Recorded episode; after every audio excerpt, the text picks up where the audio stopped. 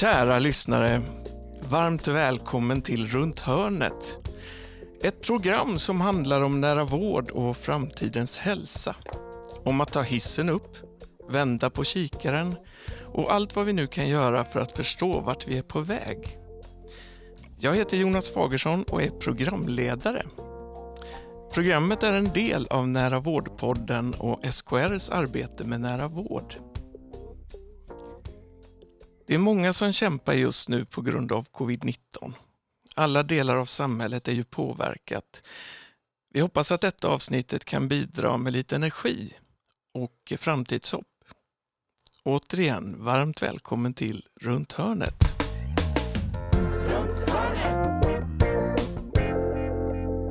I det här programmet försöker vi få fatt i en bild av framtiden, eller i varje fall fundera på hur den kan te sig. Och till vår hjälp i detta avsnittet har vi sex väldigt insiktsfulla, nyfikna och kloka personer. Detta härliga gäng har fått i uppdrag att tillsammans, två och två, fundera och reflektera över en framtidsbild med hjälp av välgrundade spekulationer. Vi har också gett dem en slags ansvarsfrihet, det vill säga vi kommer inte att hålla dem ansvariga för sina idéer, annat än i den mån att de själva åtar sig det. Dags att sätta igång. Jag är väldigt nyfiken på deras framtidsutsikter och hälsar vår panel varmt välkommen. Vi säger hej till Lisbeth Löpare Johansson, samordnare för nära vård på SKR och Lars Liljedahl, kommundirektör i Härnösand och styrelsemedlem i Socialstyrelsen. Hej på er! Hej. Näst på tur har vi Madeleine Berman, handläggare nära vård SKR och Stefan Jutterdal, ordförande för Fysioterapeuterna. God morgon! God morgon! God morgon. Och sista paret ut, Sara Riggare, civilingenjör i kemiteknik och doktorand i hälsoinformatik tillsammans med Bodil Jönsson, författare, fysiker och professor emerita. Hej hej! Hej, hej, kul att vara här. Gott att se er allihop. Eh, Lisbeth, när vi har spelat in Nära vårdpodden som det här programmet är en del av ju, får vi ju alltid mycket inspiration och har kommit att prata om nära vård i ett längre perspektiv. Vi har pratat om visioner, framtidsutsikter och så föddes idén om Runt hörnet, det här programmet. Eh, vilka förväntningar har du? Jag tänker så Jonas, verkligen. Vi har ju när vi spelat in Nära vårdpodden mött så himla mycket engagemang och kunskap. Och medan Nära vårdpodden, den ordinarie, har sitt fokus, tänker jag, på att spegla den omställning som pågår, alla lyckade exempel och allt som redan händer, så är mina förväntningar på Runt hörnet att också fånga det här stora engagemanget där ute som finns för framtiden. Och, och jag tillhör en av dem som eh, är säker på att genom att sätta ord på framtiden så är vi också med och formar den. Så det är mina förväntningar. Och jag tänker att vi, eh, vi behöver prata om framtid. Vi ska ju kika runt hörn i det här programmet och försöka få fatt i den framtiden. Ehm, men det är också en tanke här, behöver vi tänka på framtiden och vad gör det med oss när vi börjar prata om det och gestalta den? Ehm, och vi har ju en, en deltagare i våran panel här som har många tankar om tid och det är ju du Bodil. Vad Mm. tänker du om begreppet framtid? Så jag tänker först och främst att man måste acceptera att framtiden påverkar nuet. Det finns något sorts förbud att man ska inte ta ut framtiden i förskott. Men det gör vi ändå hela tiden och det är viktigt att liksom vila i det. För om det inte hade funnits någon framtid så hade vi inte gjort någonting överhuvudtaget. Vi hade inte suttit här. Vi hade inte gått ut och jobbat. Man kan aldrig jobba för nuet. Allting man jobbar för är ju framtiden. Helst att den ska bli bättre men åtminstone lika bra som det är nu. Då är det dags att sätta igång med våran första utkik eller kik runt hörnet. Och eh, första paret ut det är ju Lisbeth och Lars. Varsågoda. Tack så mycket. Eh, Jag har, vi har bestämt att jag ska börja och eh, vi tänker så här att vara genuint intresserad av en annan människa, det är ju, inleds gärna med frågan om vad är viktigt för dig. Men just den frågan inbjuder också till ett vi och ett tillsammans. För eh, den, där, den som jag möter, den kommer att bli intresserad av mig också. Och i det här goda mötet mellan två eller flera personer så finns det så mycket resurser och möjligheter till nya och innovativa lösningar på alla utmaningar som vi står inför. Och imorgon är det Vad är viktigt för dig-dagen och vår spaning den landar i att vad är viktigt för dig också leder till och kompletteras med en fråga om vad som är viktigt för oss. För behovet av och insikten om att vi på riktigt behöver skapa en personcentrerad vård och omsorg, där vi går från fokuset på personen till att verkligen försöka fånga personens fokus, har ju de senaste åren vuxit allt starkare, tänker jag. En nära vård och omsorg som utgår från personens fokus kommer att se väsentligt annorlunda ut än idag och den önskvärda utvecklingen som vi eh, vill ha till, den förutsätter ju också ett vi och ett tillsammans på alla samhällsnivåer. Så vi skulle kunna säga att eh, den bildligt symboliserar ett vi på olika sätt. Eller vad säger du Lars? Ja men absolut. Ehm, jag tänker om man tar det på olika nivåer, i, och vi börjar i, i mötet mellan människor på individnivå. Ehm, så brukar jag också säga att det handlar om att ställa sig bakom den jag möters axel. Ehm, att verkligen få syn på vad är det som är viktigt för dig. Ehm, och jag har så många exempel på det genom yrkeslivet och eh, i livet. Att om jag verkligen är genuint intresserad, vad är viktigt för dig?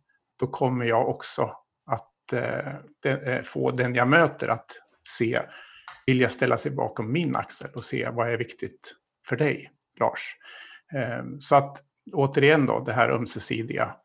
Eh, och om man skulle lyfta då till organisationsnivå, eh, tänka vård och omsorgssystemet till exempel, ehm, så tror jag det var Ja, jag, jag, gillar bilder. Mina barn tycker att jag använder bilder för mycket. Men Ehm, om vi tar nu, eh, jag jobbar i Västernorrland nu, så, så, är Ska vi få till det här så behöver vi ehm, både regionen och kommunen, Härnösands kommun. Vi behöver ta ett steg framåt. Vi behöver eh, vara säk eh, säkerställa att de medborgare eller de eh, som vi eh, finns till för verkligen får den bästa vården och omsorgen. Då behöver vi ta ett steg framåt mot varandra och säkra att systemet håller ihop, att eh, kedjan fungerar hela vägen.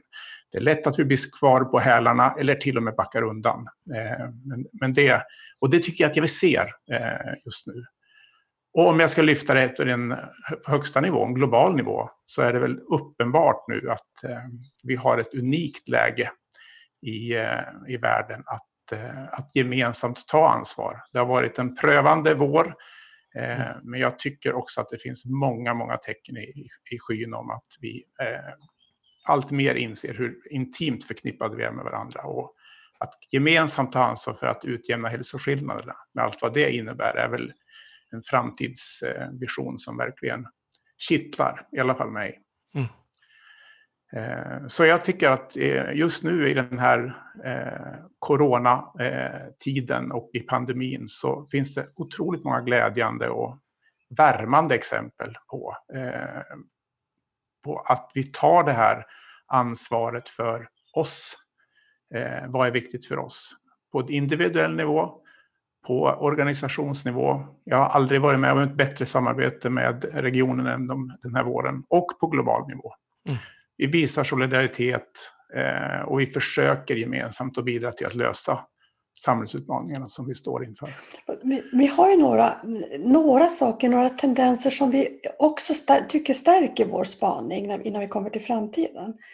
Och det ena vi ser det är ju att hälsa verkligen har blivit hälsa, inte bara för mig utan för oss. Och precis som Lars säger, hur saker och ting hänger ihop.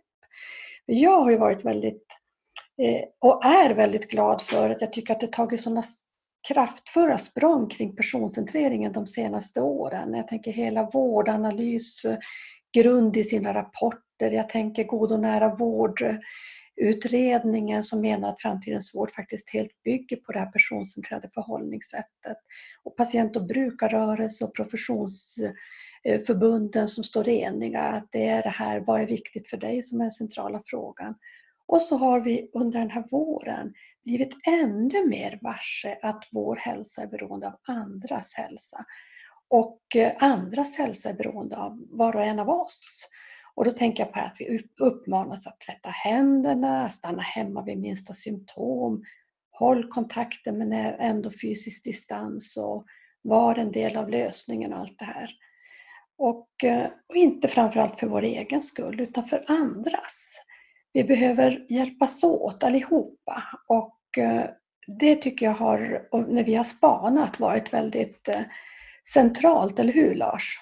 Att ja, det känns ja. som att ja, men här händer det någonting. Vi är stolta av att få bidra. Vi upplever eh, en, eh, att solidariteten har vuxit i samhället under den här pandemin. Men vi har också sett en annan tendens och den har vi kallat det beror på.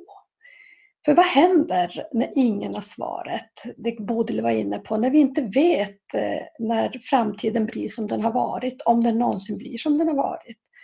Och när vi inte vet vad som är rätt och fel. Vad är rätt strategi och vad är rätt vägval? När det som helt enkelt beror på, då är det bara tillsammans vi kan ta oss framåt.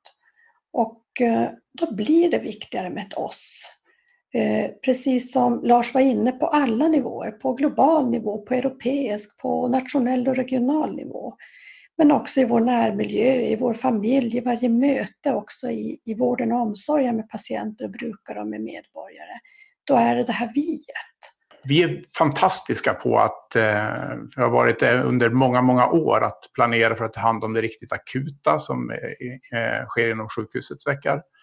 Eh, det har vi ju verkligen fått se. Vi har skalat upp intensivvårdsplatserna under de här månaderna med flera hundra procent. Eh, och det har vi gjort fantastiskt bra. Och vi har gjort det tillsammans, eh, återigen.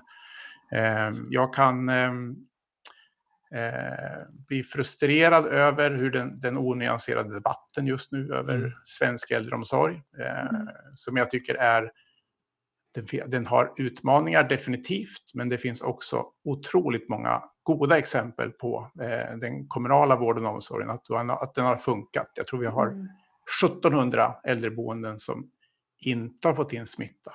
Men vi pratar bara om de 600 som har fått in smitta och ser det som ett misslyckande. Och vi tror ju, tänker jag Lars också, att som du är inne på, det, vi har både spanat på det som är Eh, det fantastiska, det här tillsammans, att vi vill, men också att svagheterna också leder oss till ett tillsammans. Att det blir uppenbart att, det, precis som du sa, varje länk i kedjan för att vi ska få det här att bli hållbart och, och att vi tror att det kommer vi kunna ha med oss framåt i, i vårt fortsatta bygge av en god och nära vård.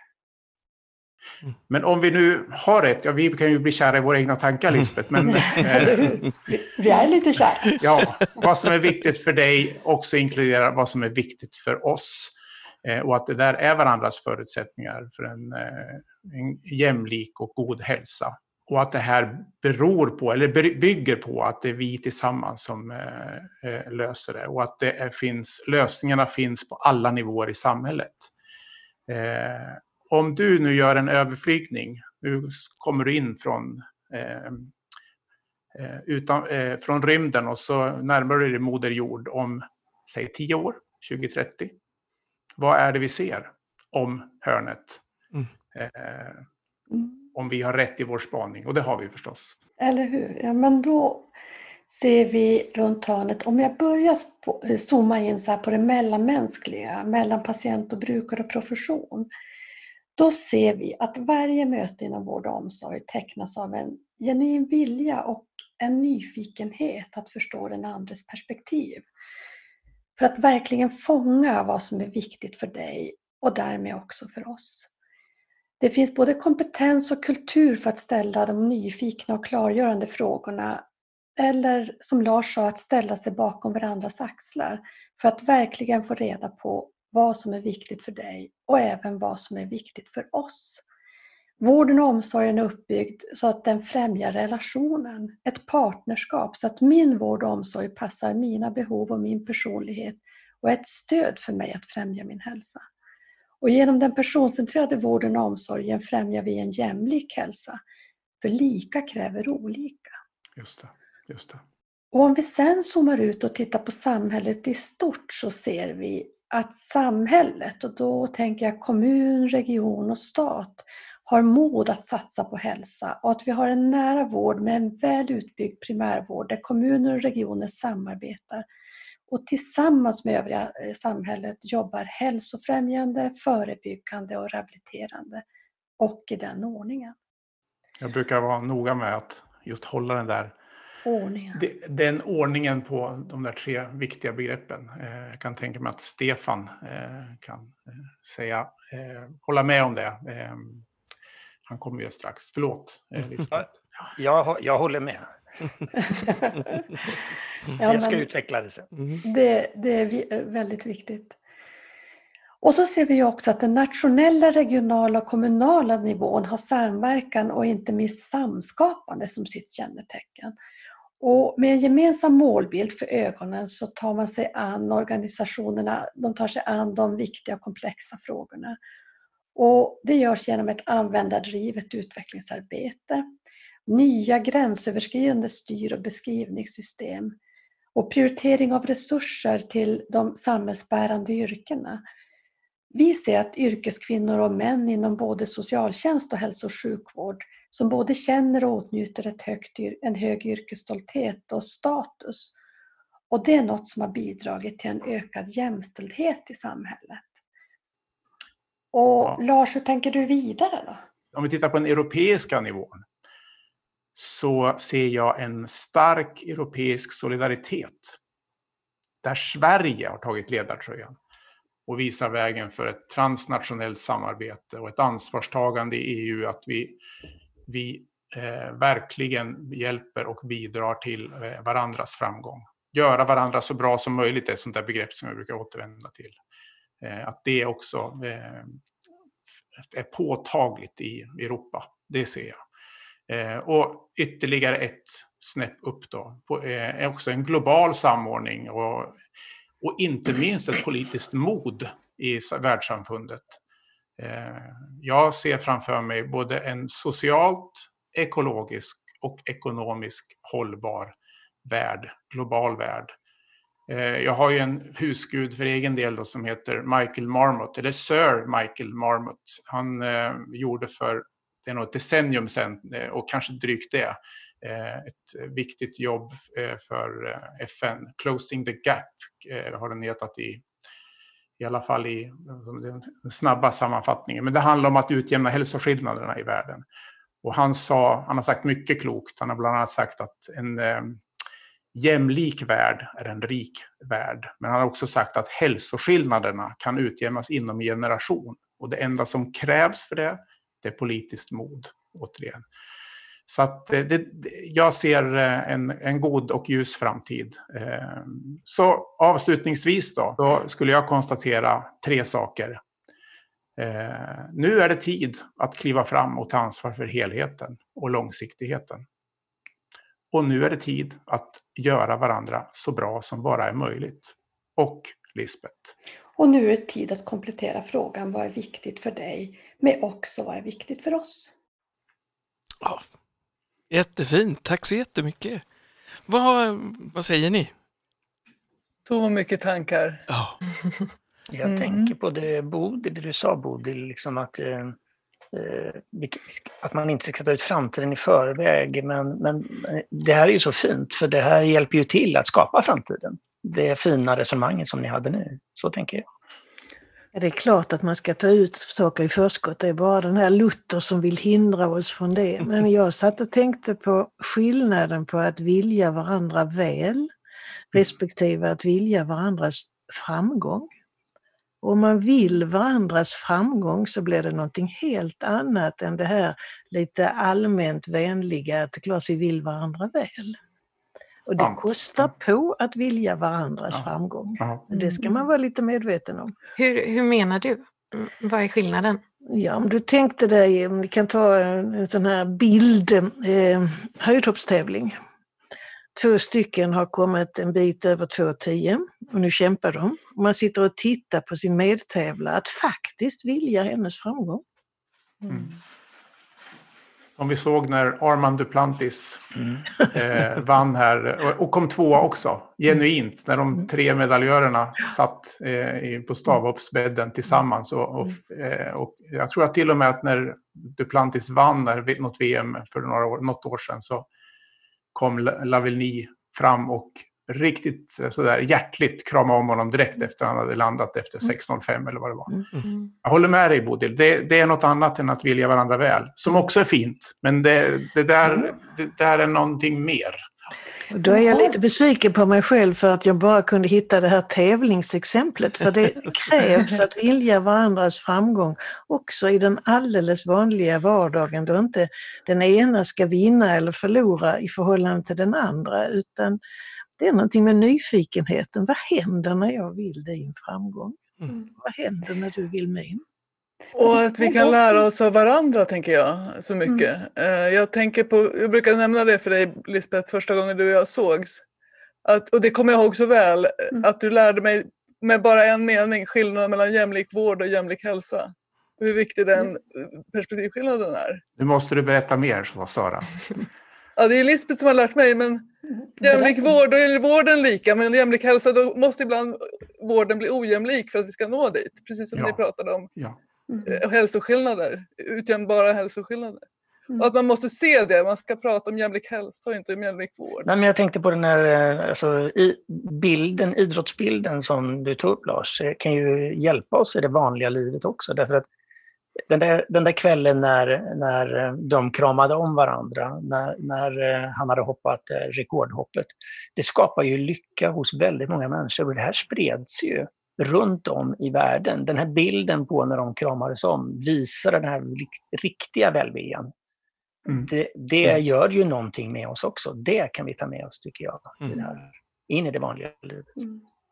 Jag tänker ibland att det här med att eh, vilja varandras framgång, att, att det finns någonting som jag tycker vi skulle reflektera kring och det är om, om makt. Eh, och makt blir mindre för att man delar på det, blir framgång mindre för att man delar på det. För det är ju egentligen precis tvärtom, de här bilderna vi beskriver, att någon annans framgång blir vår allas framgång. Men finns det inte någonting kring det där att eh, om man tänker vad är motkrafterna? Jobb, verkligen bidrar till varandras framgång så tappar vi någonting själva. Det blir på bekostnad av att det finns en, en rädsla. Är det så du tänker? Ja, det är så jag tänker. Jag ja. tänker vad är motkraften? Och jag tänker att det där är ju en inställningsfråga. Det där, om man tänker så så tror man ju att, att lycka är nollsummespel och det Precis. är det ju inte. Nej. Nej. Precis. Delad glädje, dubbel glädje säger man ju. Precis. Precis. Och det som jag tänker, både eh, ni har bidragit med spetspatienter och eh, som jag tycker att vår spaning visar, eh, det är ju också att ibland när man pratar personcentrering, kanske de som inte har satt sig in så mycket i det, tror att det handlar om någon individualistiskt sätt att se på världen. Att det här är ju bara för de starka som ska få det de begär. Medan personcentreringen och den jämlika hälsan, det som handlar om att, att skapa någonting gott eh, tillsammans är varandras på något sätt förutsättningar. Det här att vara intresserad av en annan människa. Hörni, Lisbeth och Lars, tack så jättemycket. Det var ju premiärutkiken som vi fick lyssna på och eh, vi ska gå vidare i programmet.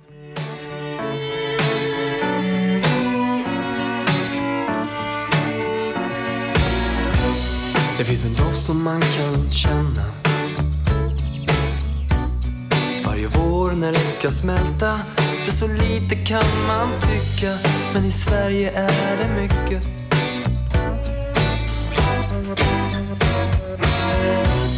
Jag ville göra upp med vintern. Jag ville röja upp i röran. Jag gick till en container och skulle kasta grejer. Men det fanns så fina saker. Jag fick mer med mig tillbaka jag har hittat allt man kan tänka sig. I en blå container fann jag dig Eller om du fann mig. Vi har grälat om det där. Det finns saker pengar inte kan ge. Du håller inte med om det men vi fann varann. Det bästa i mitt liv har varit gratis. Hon tittar mot ett fönster.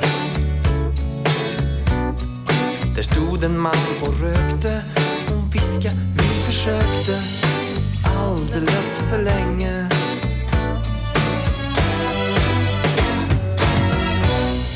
För dagarna blev lika. Och tiden den gick snabbare. Vi försökte väl och bromsa den Med de sista slantarna. Men backarna blev brantare Och brantare.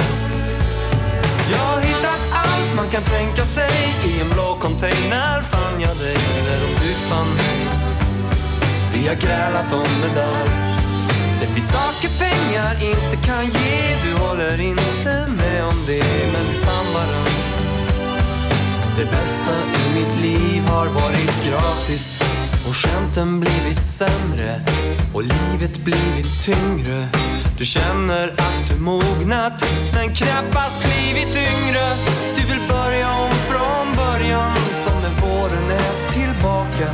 Får du kasta gamla grejer allt utom det kära. Om du hittar något du gillar Det är väldigt tungt att bära. Jag har hittat allt man kan tänka sig. I en blå container fann jag dig Eller om du fann mig. Vi har grälat om det där. Det finns saker pengar inte kan ge. Du håller inte med om det Men vi fann varann. Det bästa i mitt liv har varit gratis.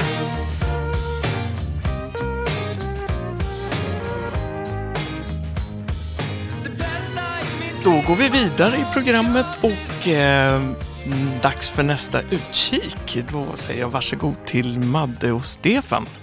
Jag börjar någon helt annanstans. Ja, vi gör I, i, I en eh, framtidslängtan som jag kanske haft ganska länge och som nu de senaste veckorna och månaderna har blivit ännu starkare.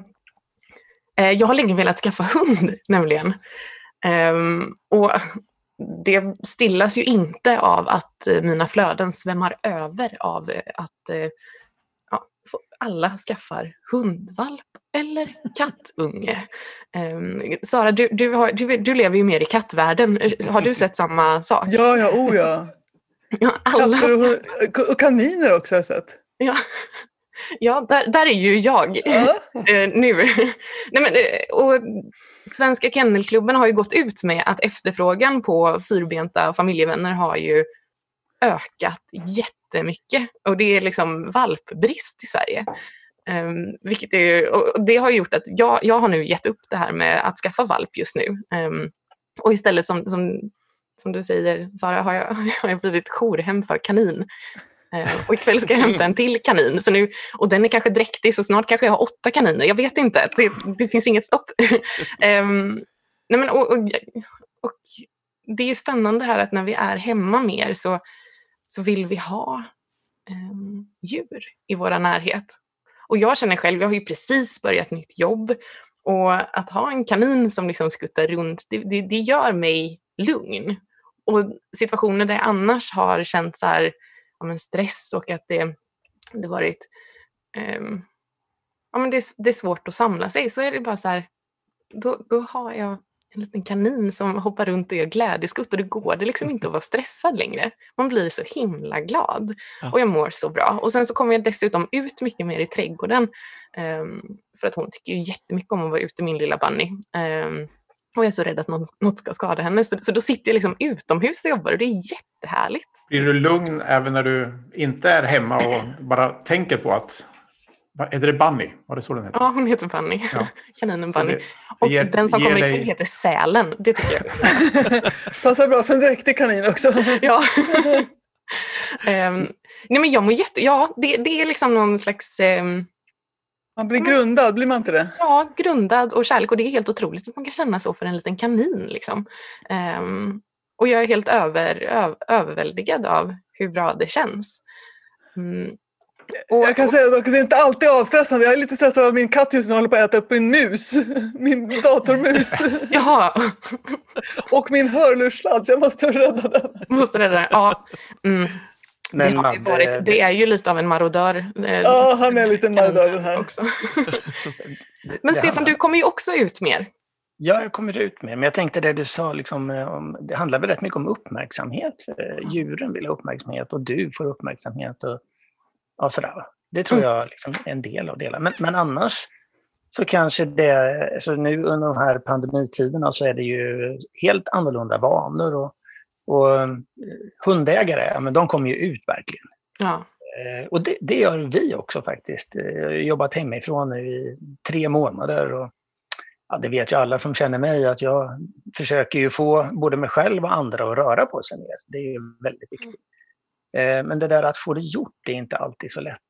Men nu har det faktiskt hänt. Så eh, jag och min fru Ann-Margret, vi, har- vi börjar varje dag nu med att ta en rejäl morgonpromenad. Och eftersom man börjar jobba tidigt, ja då får man ju gå upp ännu tidigare och det där tar ju emot ibland. Men nu har den här pandemin faktiskt hjälpt oss. Och nu har vi, vi satt ett mål att vi skulle gå typ 10 000 steg varje dag. Och, eh, har en app som eh, grönfärgas när man kommer över 10 000. Och nu har vi Mm. 132 dagar i rad Mm. med grön färg. Oj, Och det där är ju liksom, ja, det, det känner vi oss ju riktigt nöjda med faktiskt. Så- Så det är någonting som, som är gott i alla fall i det här att eh, våra, våra vanor och beteenden har ju ändrats och då kan man ju tänka sig det där måste vi ta vara på för framtiden också. Så att, Men så fall- många dagar i rad måste ju vara, då, då är det verkligen inarbetat nu. Du kommer aldrig kunna Ja, sluta det- gå nu, Stefan. och vad skönt att du säger så. Ja. Nej men det är så, man vaknar på morgonen och så bara pang iväg, bara upp och gå direkt. Jag tycker också En- annan sak med att komma ut så här mycket är att man får eller och också har mer tid för att man inte pendlar är eh, tid till reflektion på ett nytt sätt. Precis, där ledde du mig in på spåret. För det, det är faktiskt precis det som händer när man nu promenerar eh, mycket och rör på sig. Så eh, frigörs ju på något sätt tankarna så man får ju möjlighet att, att, att fundera över både viktiga och oviktiga saker. Eh, men en sak som jag har gått och grunnat på, det är en sån här fråga som jag har hört under, över tid. Och man, får vänt, man får tänka noggrant på det. Men så, vad, vad är det som jag inte vet att jag inte vet? Mm. Den är lite svår, men eh, ja, jag funderar över, jag har ju jobbat i hälso och sjukvården i ja, 40 år är nog. Och tycker nog att man kan systemet och, och jag har blivit så överraskad över att jag, det var så en del saker som jag absolut inte har tänkt på. Jag, fick ett hjärtstopp ju snart för tre år sedan och efter det ser jag bara hjärtstartare nästan överallt. Var man än rör sig så tänker man på, på det där. Mm. Men eh, jag hade jobbat mycket med patientsäkerhet och sånt innan. Och, och vet ju att eh, samhället jobbar förebyggande med att eh, få ner dödsfall och skador. Och så där. Trafiken till exempel, där, där är det eh, 300 människor nu. Det är under 300 människor eh, som dör i trafiken. Och när det gäller bränder i Sverige så är det runt 100 personer. Det är ju jättemycket och allvarligt på alla sätt. Och sådär. Men nu har jag blivit medveten om att när det gäller hjärtstopp utanför sjukhus så är det 10 000. Alltså 30 om dagen nästan, 25-30 om dagen som får det. Och som dör i det. Och bara en av tio räddas. Jag tänkte, hur, hur är det möjligt att jag har kunnat jobba hela tiden och inte varit medveten om det här? Och så tänker jag, vad är det mer som jag inte vet att jag inte vet? Mm. Är ni med? Mm. Ja. Verkligen. Supersvår fråga ju. Ja, den, den, då får man gå många kilometer för att man ska kunna frigöra cellen och börja eller så får man tänka ta så. hjälp, ta hjälp av andra tänker jag. Ja, det är en bra idé.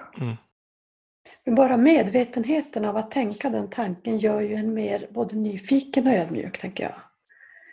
Eh, nyfiken på hur tänker någon annan i den här frågan? För det kan ju vara någonting som jag inte har tänkt på eller jag inte vet. Och ödmjukheten som du säger Lisbeth, om man inte vågar erkänna att man inte vet någonting så går det ju inte att lära sig någonting heller. Nej, precis. Det finns lite ordlek med det där. Det har du säkert hört, omedvetet inkompetent. Mm.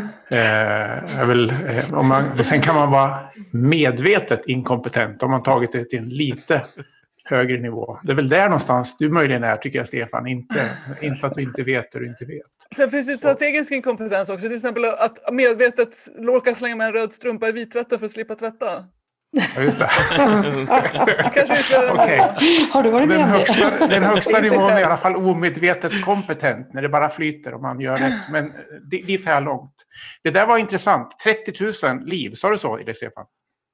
10 000. 10 000. 10 000. 10 000, ja. Per då, år i Sverige? Ja, i Sverige. Och, och det, det som är då, eftersom jag är överlevare så tänker man så här, bara en av tio. Fast ja. vi vet, eh, alltså forskningen säger att upp till 70 procent skulle kunna räddas, men idag är det 10 procent. Och bara för eh, 15 år sedan så var det bara hälften. Vet ni vad, vad jag tänker på när ni mm, spanar? det är hur viktig berättelsen är. För jag tänker precis som du säger Stefan, att eh, sen du råkade ut för ditt hjärtstopp så har jag också blivit mer medveten om det här med, med hjärtstartare, var de finns och sådana saker. Och då tänker jag det är någon klok som har sagt Every number has a story. Och jag tänker att när berättelsen, när vi ser bakom de här pinnarna i mycket statistik och så, ser att det finns en berättelse, då går vi också mycket mer igång som människor. Så jag tänker att berättelsen måste komplettera våra siffror, för då händer något. Så jag tänker också kring ledarskap, att, att nyttja både fakta och eh, ja, berättelse är också fakta, men olika typer av fakta för att eh, få till förändring. En annan sak som, som är i det här, eh, det, det, vi hör siffrorna varje dag som plingar, eller när plingen kommer så räknar vi liksom på, fokuserar vi på dödstal. Mm. Så tänker man så här, jag ser framför mig som fysioterapeut, mm. Så ser jag behovet av rehabilitering som inte tillgodoses till exempel hos äldre människor. Det har varit så under väldigt lång tid. Eh, det var så att det kom, en, det kom en utredning redan 1993 som hette Tidig och samordnad rehabilitering. Och sen har det kommit ungefär en, var tionde år en utredning i Sverige som talar om vad man ska göra inom rehabilitering. Men ändå har det inte ändrats särskilt mycket. Och så nu då så ökar behovet av rehabilitering extremt mycket nu i samband med covid-19. Mm. Och ändå, jag blev så frustrerad i, igår på den här politiska debatten, för jag tänkte, Ska någon nämna ordet rehabilitering någon gång? Nej. Det var som att nej, det, det, liksom, det gick inte. Man kunde liksom inte komma längre än till eh, dödstalen och till antal smittade. Och tänkte, vad är det som gör att man är, inte tänker på det? Därför att det ser jag, jag ser det alldeles klart att det kommer att bli så. Stort behov. Så vad tänker ni? Jag tänker att det är svårt att räkna kostnads eller besparingar på uteblivna, utebliven sjukdom snarare än en sjukdom man vet att som finns. Jag vet att Lars har ju väldigt bra ex exempel på hur man räknar bra på det där.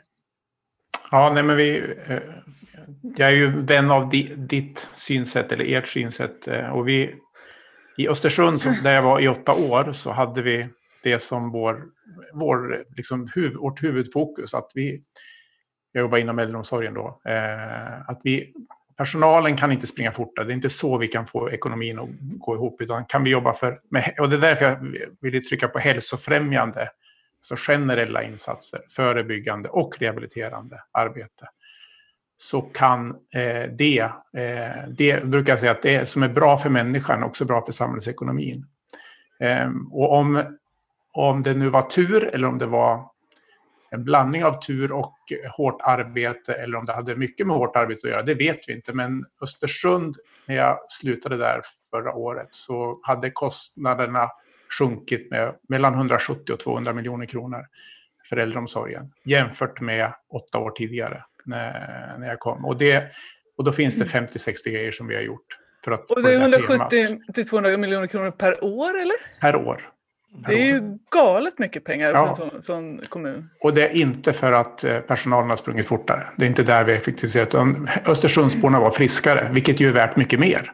Mm. Ehm, och inte har ni skurit ner på personalen för att få ner kostnaderna heller? Nej, vi har faktiskt låtit dem vara orörda. Ja, jag ska, jag ska vara ärlig. De första två åren gjorde jag de där klassiska osthyvelåtgärderna som jag skäms över nu. Då. Men, ehm, men sen la jag bort den ehm, helt och hållet. Jag, jag tycker inte om osthyvel. Vi försökte bli effektivare. Men, eh, så det, det, finns, det finns mycket i det här. Och jag tänker på dina 10 000 eh, hjärtstopp, Stefan. Mm. Hur mycket? Mm. Eh, och nu har vi rehabilitering efter covid. Eh, som någonting som vi är medvetna om, i alla fall i Härnösand. Vi pratar om det. Vi förstår att det här kommer och att vi måste mm. också vara en del i helheten där. Om vi återvänder till Lisbeth som min mm. eh, span. Det är helhet som regionen och kommunen tillsammans behöver eh, bidra med att det blir så bra som möjligt för de personerna. Men, men, det gäller väl att man får syn på det. det, är väl, eh, alltså jag, det, nu är det omvänt, det här ser jag. Och så, hur ska jag få andra att se det här? Mm. WHO har sett det. Det finns ett program som heter Rehabilitation 2030. Och de har till och med satt siffror på det. Att eh, en investerad, eh, ja, ungefär en, en krona eh, investerat nu ger eh, 10 tillbaks redan till 2030 om man investerar i det du säger nu Lars. Och det, ja, det är bra att tänka på. Jag tänker på, eh, åter till Lars och min spaning, att vi sa ju också i den framtidsbild vi ser om att vi behöver nya system att jobba med beräkningar. För precis det här lite kontrafaktiska som Sara är inne på, eller som ni är inne på i er spaning, vi ska också räkna på det som inte blir, därför att vi gör en insats mycket mer proaktivt. Och vi har ju inte riktigt de eh, systemen idag, så att på alla nivåer behöver det här arbetas med och också involvera de människor som har sin, sin bas och sin kunskap och sitt yrkesutövande i att jobba med just de här frågorna. De som finns i våra staber med ekonomi och så, att vi faktiskt involverar dem i det här i det här arbetet. Det är superviktigt. Men jag tänker det här samtalet när vi hjälper varandra så här och, och reflekterar, då, då, kommer man in i ett bra mood. Men eh, annars är risken tänker jag, eller jag tycker mig ha sett det nu under pandemin, att vi, vi backar i våra hierarkiska mönster. Eh, samhället liksom blir mer, man vill ha mm. mer stabilitet och mm. trygghet, fastän i själva verket är det ju mer osäkert än någonsin. Mm. Och då, då blir det också så att man tänker i en akut logik. Så nu räknar man dödsfall, man räknar intensivvårdsplatser, man räknar antal smittade. Men man, man, för jag tänkte på vad är det som gör att man inte kommer vidare i den här delen? Ja, kanske är det behovet av stabilitet. Men det tror jag kan bli ödesdigert. Vi måste hjälpas åt att, att få fram det. Mm. Och där brukar vi säga i patientrörelsen att, att vi, kanske ligger, vi som lever med långvarig Crohns sjukdom är kanske lite mer bekväma och vana vid att leva med osäkerhet. Mm. Och Men där då, kanske det finns att lära. Ja det får mig också att tänka på de här som liksom lever med kroniska problem. Mm. inte har ändå kommit in i systemet. Um, jag, jag, ehm, på tal om vad är det vi inte vet som vi inte vet, um, så har jag tittat, eh, tittade jag för två veckor sedan på Therese Lindgren som är Sveriges största ehm, ja, men vloggare. Hon är störst på Youtube med en miljon följare och eh, ja, en av Sveriges största influencers. Och hon gick ut, med, eller hon har ju pratat mycket om psykisk ohälsa och så, men nu det senaste så har hon börjat prata väldigt mycket om sina magproblem. Eh, som är det, det, är väldigt allvarligt och nu, nu verkar hon äntligen ha fått hjälp och kommit in och nu ska göra en ordentlig undersökning. Men det har ju varit år och år av att hon åker in och ut och, nu så pratar hon verkligen om detta öppet och liksom men, bröt stigmatiseringen lite och det hon möttes av var ju ett hav av följare som kände igen, kände igen sig i hennes situation. Mm. Um, liksom unga tjejer som har problem med magen av olika anledningar och får, de får inte hjälp liksom, för det syns inte på proverna. Ja, det. Um, och, det, och det är liksom för... Det, det, är inte tydligt och då, då blir det som så här...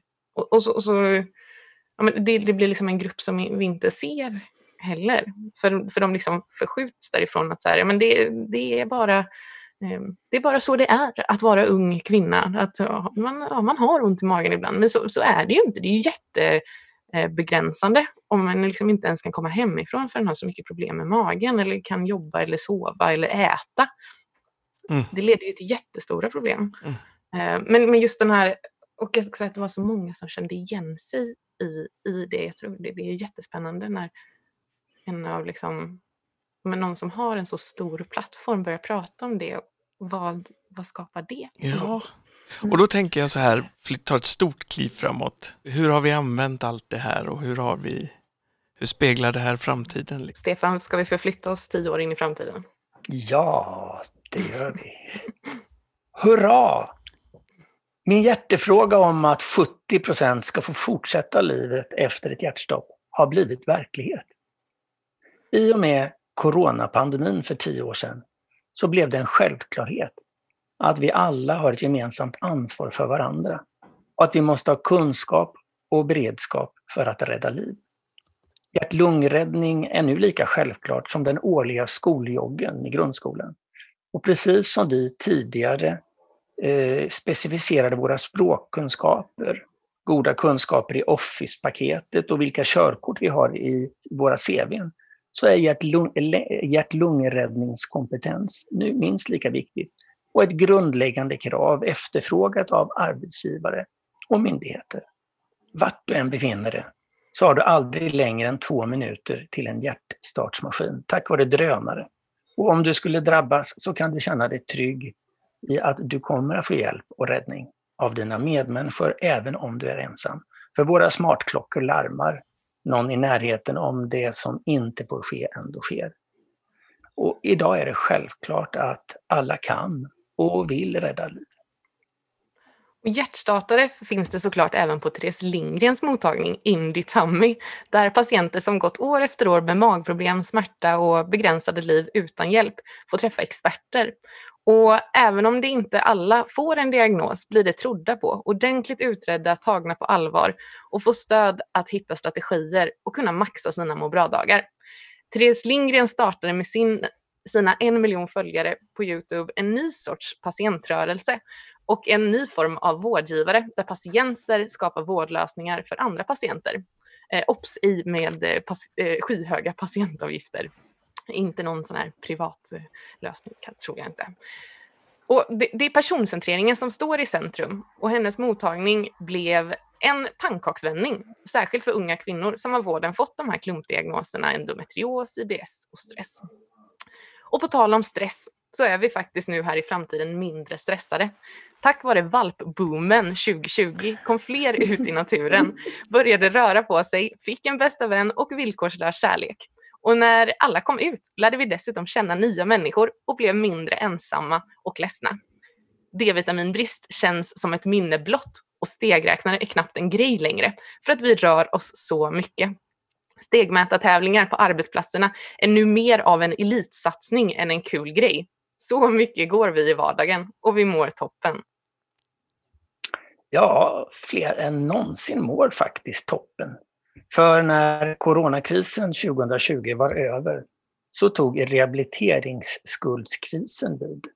Och från politiskt håll följde månader av presskonferenser där ansvarig minister tillsammans med myndigheter, regioner och kommuner presenterade planer för rehabiliteringssatsningar i samhället och uppföljning av insatser presenterades regelbundet för att vi skulle ta oss igenom även den rehabiliterings och samhällskrisen.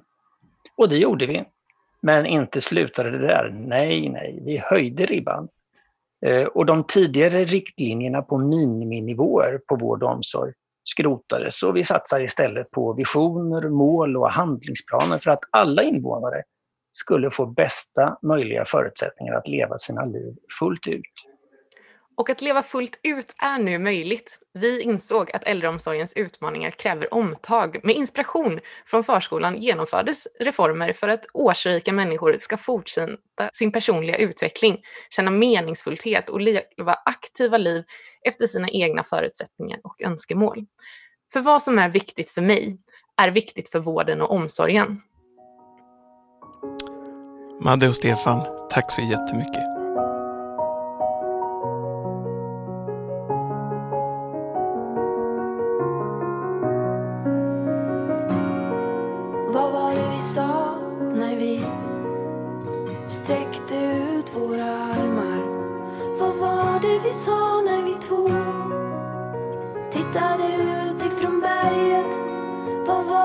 Skrek när drömmar bar oss bortom stan och en dag ska vi härifrån. Vi sa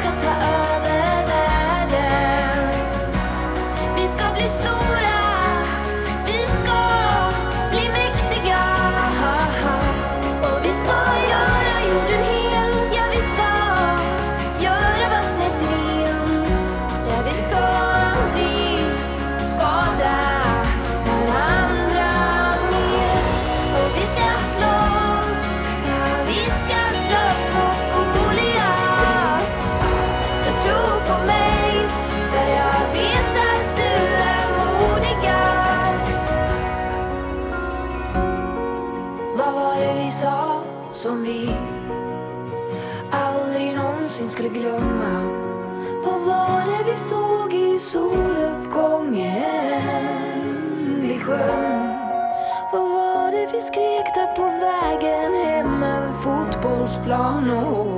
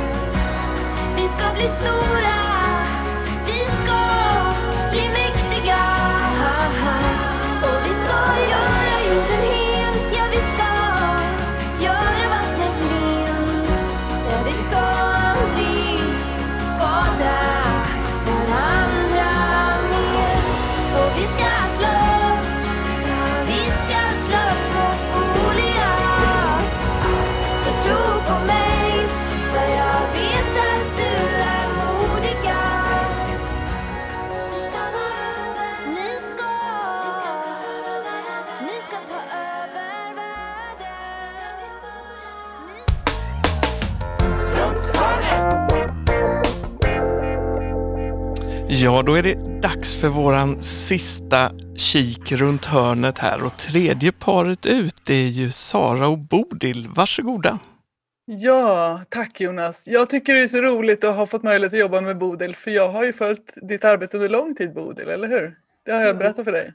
Du har Det är, sagt till och med, det. det är till och med så att när Tio tankar om tid kom ut 1999 så köpte maken och jag båda oberoende av varandra den till varandra i julklapp. Ja. eh, Och vi har ju inte lärt känna varandra förrän under den här spaningen och då har det blivit så tydligt, för, åtminstone för mig, att vi kommer bägge två från den tekniska sidan. Och kanske är det därför som vi har så lätt att stråla samman kring just hälsoperspektiv. För vi är ju sådana att vi vill att saker och ting bara ska funka. Och så tänker vi på samma sätt om livet som vi tänker om saker och ting, det vill säga helheten, det vill säga hälsan, den ska funka. Och gör den inte det så sätter vi igång med en felsökning. Vad är det nu som fallerar? Och så blir vi väldigt strukturerade. Och vi kommer ha en lite annorlunda upplägg för vi har liksom bestämt oss för att efter alla våra samtal så kör vi detta var för sig. Så nu börjar jag med de allmänna tecknen i tiden som jag vill fånga upp. Jag kommer alltså inte i de här tecknen att hålla mig till framtidens nära vård utan i det generella livet så tycker jag att jag har kunnat hitta övertydliga konsekvenser på att man så länge har brutit upp sammanhang och gjort det på tre grundläggande områden. Det första området är tiden. Vi har ju blivit sådana till vardags att det är genast, det är nu med detsamma som man har brutit ut ur tidens gång och då tappar man ju taget om det longitudinella. Ditt nu finns i ett sammanhang och det påverkas inte bara det som har varit utan också alla de förväntningar som du har på framtiden och som var det jag fick börja med här. För det är ju framtiden som faktiskt styr vad vi gör. Sen är ni många som har talat om relationer mellan människor, alltså att flytta sig från mig till oss. Eh, men det övergripande tecknet i tiden fortfarande det är att egot, du själv och ditt eget, det har blivit nästan totaldominant på bekostnad av relationerna. Och då tycker jag det är kul att dra ut det in absurdum och säga vem vill egentligen själv vara hundraprocentigt egofixerad? Vore man det så var det ju ingen mening med att det fanns någon annan. Och om de andra som är runt omkring mig, om de hade varit hundraprocentigt egofixerade, skulle jag överhuvudtaget vilja finnas då? Sådana där extremtankar är lite nyttiga att tänka ibland. Mitt tredje område, som kanske är det jag känner allra mest för, där jag tycker att det är så hemskt att man har brutit upp sammanhang, det är kunskapen.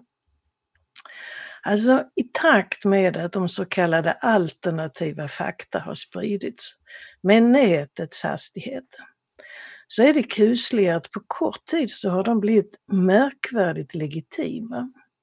Och samtidigt har överlappet av kunskaper minskat. Eh, när man brukar hålla upp det evidensbaserade vetandet så tänker jag ibland att ja, det vet i katten om det bara är evidensen som gör det så viktigt. Men det viktiga var ju att det gav oss gemensamma fixpunkter.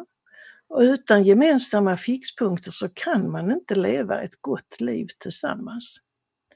Och de här tre underskotten, missa nu inte att det handlar om tid, det handlar om relationer och det handlar om kunskap. De har blivit så invävda i varandra så vi kan inte skilja det ena tecknet från det andra. Vi märker den gemensamma effekten och den är solklar. Det är en diffus oro. En diffus olust, en diffus hets. Aldrig hitta vilan, aldrig bli nöjd. Och det där är jättesvårt att hantera i alla åldrar. Men värst är det tveklöst för tonåringarna idag. För deras svårhanterliga vilsenhet, mot den måste man säga, men var finns då tryggheten och var finns tilliten? Och det är så många som skyller sin vardagsolust på att de har så ont om tid.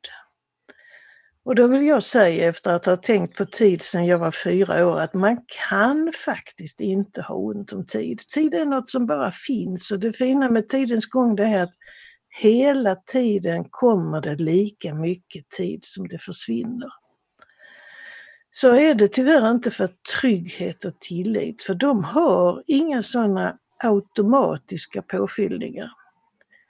Så i min spaning som kommer efter Saras tecken i tiden så vill jag peka på hur framtidens nära vård förstås har förstått konsekvenserna av att trygghet och tillit måste fyllas på. Och den nära vården bygger därför upp hela sin verksamhet just utifrån hur den kan stötta uppbyggnaden. Och vi fyrkantiga tekniker, vi vill nu säga att nu lämnar jag över till Saras tecken. Tack Bodil. Och även om jag har hört det här förut och till och med läst det förut ursäkta, så får jag nya tankar och det tycker jag är så roligt. För då, det blir ett sammanhang där jag tänker äv, några steg till. Men jag tror ni alla här i, i rutorna skulle, kommer, känna, kommer hålla med mig om att det jag framförallt är mest känd för är nog min prickbild. Mm. Jag brukar kalla den för mitt näst största mästerverk. Det största såklart är vår 17-åring. Men prickbilden för de som inte vet, det, den har en röd prick en himla massa blåa prickar och texten. Nu läser jag till. För att hantera sin Parkinsons sjukdom tillbringar Sara Riggare varje år en timme med sin neurolog och 8765 timmar med egenvård. Och det är faktiskt precis 8765 blåa prickar på den bilden, för jag har gjort den själv. Och jag är precis så nördig som ingenjör att jag har gjort bilden med rätt antal prickar. Och den här, vad, vad sa du? Självklart. Så. Ja, eller hur? Och det är faktiskt bara ett fåtal personer som har kontrollräknat och frågat mig hur har den här beräkningen gjorts? För att jag har räknat den med, med, med, med skottår. Så det är 365,25. Ingenjörer. Ja. Är det ett sånt litet påskägg du har gjort för att, eh, för, att säker, för att se hur många som märker? Ja, det skulle, jag skulle önska att jag kunde säga ja på den frågan, men det är faktiskt en slump. Jag, Från och med nu är det så. det var så självklart för mig att det är så man räknar tid. Men alltså jag, först... Ja. Jag lyssnar på Donald Berwick eh, som ju använt, tror jag, din bild på IHI också. Ja, ja. Och han brukar säga “some is not a number and soon is not a time”. Kanske Ja. kommer från din bild. Ja, i, i så fall är det hans tolkning, vilket är intressant. Men han är ju fantastisk och han säger, har sagt mycket kloka saker. Jag är väldigt glad att höra att han har tagit till sig det också. För att när jag gjorde den här bilden, första versionen gjorde jag 2013. Och jag, då, jag gjorde den inte för att användas som den har blivit och framförallt hade, kunde jag inte drömma om att den skulle få sån spridning som den fått. Mm. Och som du säger Stefan så är det många fler än jag som använder den. Och den har faktiskt använts på konferenser i länder som jag faktiskt inte har varit i. Vilket är ganska roligt också att tänka på. Mm. Och kanske har den här bilden bidragit lite till att sätta mer fokus på just egenvården. Mm. Och när jag säger egenvård så menar jag sånt som vi alla gör varje dag. Borsta tänderna, försöka äta nyttigt, motionera, stressa mindre. Sånt, sånt som alla gör. Fast egenvård när man har, lever med en lång kronisk eller långvarig sjukdom tar så väldigt mycket mer tid och energi. Och därför är jag glad att egenvården vid kronisk sjukdom behöver uppmärk- bör- börjar uppmärksammas mer. Och det ni pratar om rehabilitering och, och, och delar av det andra som jag har sagt här tidigare, det ser jag att det ingår i egenvården. Mm. Men det är ju faktiskt så att hälso och sjukvård är nödvändigt men inte tillräckligt för att uppnå hälsa. Forskning visar att hälso och sjukvårdens bidrag till hälsan är ungefär 10 procent.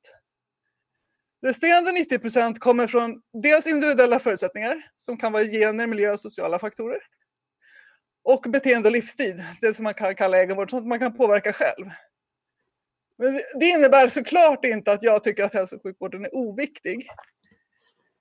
Tvärtom så är min hälso och sjukvård för min kroniska sjukdom oerhört viktig, helt avgörande för att jag ska kunna leva ett så fullt liv som möjligt med min Parkinson i släptåg. Men jag har då noterat några tecken i tiden som tyder på att egenvården börjar få mer uppmärksamhet och helt riktigt så. Det första är att WHO, Världshälsoorganisationen, nyligen definierade egenvård som, och det här är min översättning, förmågan hos individer, familjer och samhällen att främja och bibehålla hälsa, motverka, motverka sjukdom och hantera sjukdom och funktionsnedsättning med eller utan stöd från hälso och sjukvården. Och det är ju era tre punkter då, Lisbeth och Lars såklart. Det här med, vad sa ni, ni sa... Eh, ni, jag skrev upp det nämligen. Eh, hälsofrämjande, förebyggande och rehabiliterande. Ja, Mm. just det. Just det. Mm. Och den här WHOs definition har Region Stockholm nyligen använt i, i sin första någonsin strategi för egenvård. Och man har nämligen i den nya strategin för Region Stockholm för primärvården, då har man identifierat egenvården som en viktig och hälsofrämjande hörnsten. Så det rör sig framåt även på den nivån. Och mitt tredje exempel handlar om den nationella nivån, där också egenvården får mer uppmärksamhet. I slutet på förra året så lanserade regeringen Sveriges första någonsin också nationella strategi för hälsa och life science. Och där finns det med åtta prioriterade områden med sammanlagt 30 målsättningar. Och en av de här målsättningarna lyder, och jag läser innantill igen, ökat fokus på förebyggande insatser och egenvård.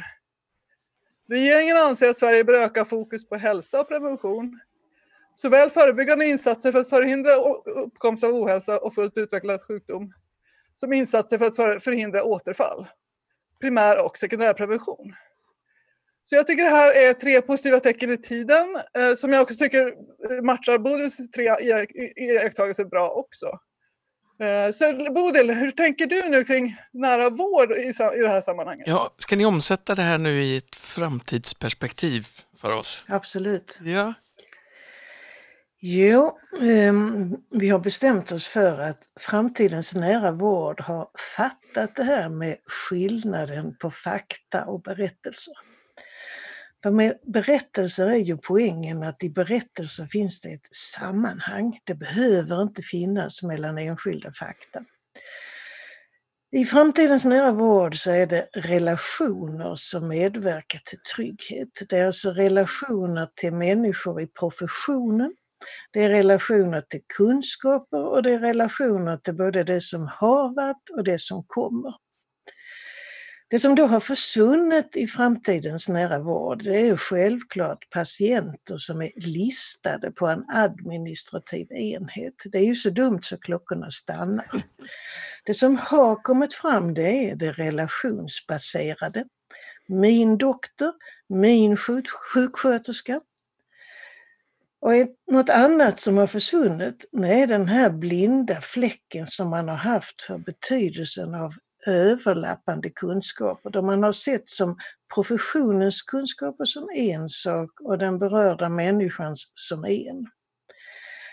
Ehm, det man då till exempel har rensat upp i, som jag inte begriper att det inte stör alla för närvarande, det är det som alltid har varit så att läkemedels verkningar, de beskrivs bara i rent medicinska termer. Men biverkningarna beskrivs bara i upplevelsetermer, typ illamående och ont i huvudet. Ni kan gå och kolla patientfasen, ni kan kolla bipacksedlar så förstår ni vad jag menar. Ja, och det där är ju en sån där exempel för mig på det som Stefan sa, vad är det jag inte vet att jag inte vet? För när du berättade för mig så jag blev helt ställd. jag, jag läser bipacksedlar, jag hade inte tänkt på det här. Mm. Men det är ju så att både önskade och oönskade effekter, för både biverkningarna och verkningarna, de är ju verkningar. Men bägge två förtjänar förstås sina dubbla beskrivningar. Och ett annat exempel på blinda fläcken det är varför tror man att en second opinion måste ske vid ett annat tillfälle och på en annan plats? I framtidens nära vård så ska man inte längre behöva vänta på en second opinion. För det går ju så lätt att vara liksom tre i rummet. Huvudpersonen själv, alltså patienten, allmänläkaren och så specialisten på distans. Som vi märker här när vi sitter och spanar så finns ju redan teknikmognaden. Det enda som krävs det är att man ändrar sina rutiner så som man till exempel redan har gjort i Borgholm. Eh, vad framtidens nära vård kommer att mäta, det kan vara lite svårt att förutse men jag är säker på att man i större utsträckning kommer att mäta långtidseffektivitet och inte korttidseffektivitet. Man räknar alltså inte läkarkonsultationer i stycken och man styr dem inte till att behandla en åkomma i taget. För det svåra i vården och det är detsamma som jag tyckte som lärare på universitet, det är att vid varje tillfälle måste man återerövra tilliten så att till exempel auditoriet eller patienten känner att konsultationen kan leda till att man blir trygg efteråt också. För det är ju då som de berörda människorna ska fortsätta att leva med sina kanske kroniska åkommor. Jag brukar tjata om att den levda sjukdomen är något helt annat än den diagnostiserade och den behandlade. Och det gör att till och med hembesök har man upptäckt i framtidens nära vård, de lönar sig långsiktigt. Och de har därför blivit mycket vanligare. För ett hembesök säger ju mer om den berördas hälsa än vad tusen läkarbesök kan göra. För kommer någon hem till en så visar ju kringmiljön direkt hur man vill ha det. När man har hälsa eller som Gadamo säger när han definierar hälsa, när man i glädje är upptagen av sina livsuppgifter. Det präglar ens hem. Något annat som har fått en annan ställning i framtidens sjukvård det är journalerna. Först och främst med sånt enkelt självklart som att för att vårdpersonalen snabbast möjligt ska kunna se den berörda människan framför sig snarare än deras åkommor. Så snart de slår upp journalen så finns det ett foto på patienten. Inte bara namnet, inte bara, inte bara personnumret. Men det är inte bara sådana små praktikaliteter som har ändrat sig utan också forskningen kring nära vård har upptäckt patientjournalerna som just sin källa. För det är ju där som man kan få se det longitudinella utfallet och få veta hur det gick för vederbörande. Det leder till en helt annan forskning än den åkommespecialiserade. Den är inriktad på diagnosmöjligheter för en enskild åkomma och för behandlingsmöjligheter för denna. Men den patientspecialiserade, observera det här är också en specialisering, det följer den livslevande medmänniskan och effekten av nära vårdinsatser i hennes liv, inte sällan ett liv med multisjuklighet. Så min hypotes är att det genom journalstudier kommer att växa fram en bedövande framtidsevidens för att en trygg människa kan nästan vad som helst. Men en otrygg människa kan nästan ingenting. Det var min spaning Sara. Ja, och som jag sa, det väcker nya tankar fast jag har läst och hört det förut eh, och vi har pratat mycket om de här delarna. Men när man pratar framtid så tänkte jag börja med att citera en science fiction-författare. William Gibson, som han passande nog så myntade även uttrycket cyberspace. Ett av hans mest berömda citat är också Framtiden är redan här, den är bara ojämnt fördelad. Mm. Och ojämnt fördelad har, har det nog varit väldigt länge. Men ganska oväntat så har ändå, mig, som jag ser det, den nuvarande situationen med pandemin ändrat lite på det här med ojämnt, hur ojämnt fördelat det kan vara. När pandemin började så var jag väldigt orolig för undanträngningseffekter och det är jag faktiskt fortfarande. För, som Stefan pratade om rehabiliteringsskuld och annat. Men, men det finns ändå exempel, små exempel på förbättringar som har dykt upp som ett resultat av pandemin. Och jag ser att det bygger den framtid vi, vi ser framför oss och som vi vet att vi behöver. Eh, eh, det exempel jag tänker ta upp är, det finns en allvarlig kronisk multisystemsjukdom som heter, nu ska jag se, det här är svårt att säga, myalgisk encefalomyelit. Den förkortas ME. Den påverkar bland annat nervsystemet, immunförsvaret och kroppens energiproduktion. Och många personer som lever med ME har inte fått den vård som de behöver och har rätt till. Bland annat för att de inte kan besöka vården utan att riskera permanenta försämringar i sin sjukdom. Eh, på grund av ansträngningen och alla intryck. Sen finns det också problem med den här överlappande kunskapen som Bodil pratar om. För att det, eftersom det som även Madde pratade om, för det, det, eftersom man inte kan mäta någonting så, så är det svårt för vården att förstå hur, hur patientpersonerna mår. Men nu under pandemin så har jag hört att några personer bland de som lever med den här sjukdomen ME, tack vare vårdens ändrade arbetssätt, har börjat få just hembesök av sjuksköterskor för provtagning och läkarbesök via video. Den här typen av besök tar mindre energi för dem så att bakslagen i sjukdomen kan bli mindre. Och det här ser jag som en del av egenvården också som jag pratade om tidigare.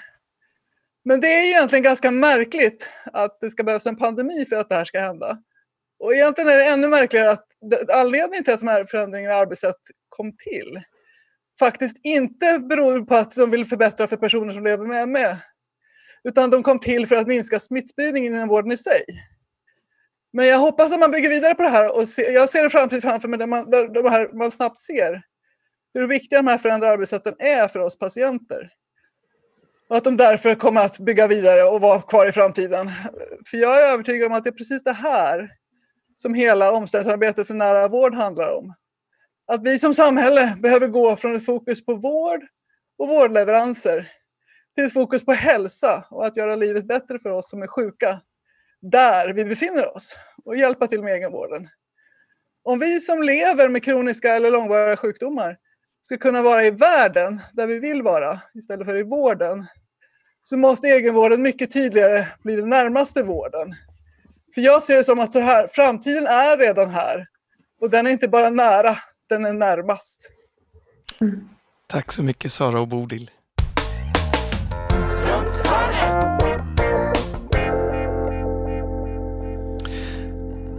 Ja, idag har vi pratat om att i framtiden ställer vi allt oftare frågan vad är viktigt för oss? Vi stressar mindre med hjälp av valpar och hjärtstartsmaskiner är lika vanlig syn som brevlådor var förr i tiden. Vi har lärt oss att en trygg människa kan nästan vad som helst, men en otrygg människa kan nästan ingenting. Och äntligen har vi skiftat från ett fokus på vård och vårdleveranser till ett fokus på hälsa.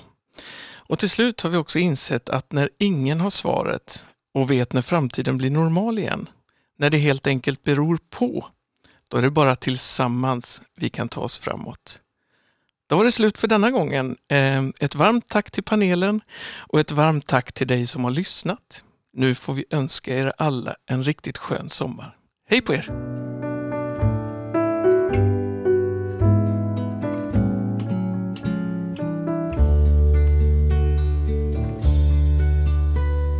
Ska inte tro det blir sommar ifall inte någon sätter fart.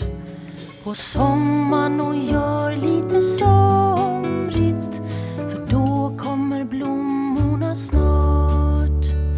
Jag gör så att blommorna blommar. Jag gör hela kohagen grön. Och nu så har sommaren kommit. Bort snön. Jag gör mycket vatten i bäcken Så där så det hoppar och far. Jag gör mycket svalor som flyger Och myggor som svalorna tar.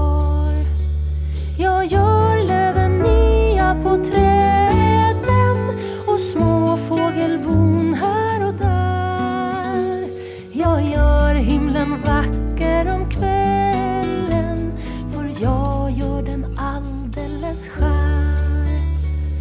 Och smultron det gör jag åt barna för det tycker jag de kan få och andra små roliga saker som passar när barna är små. Och jag gör små roliga ställen kan springa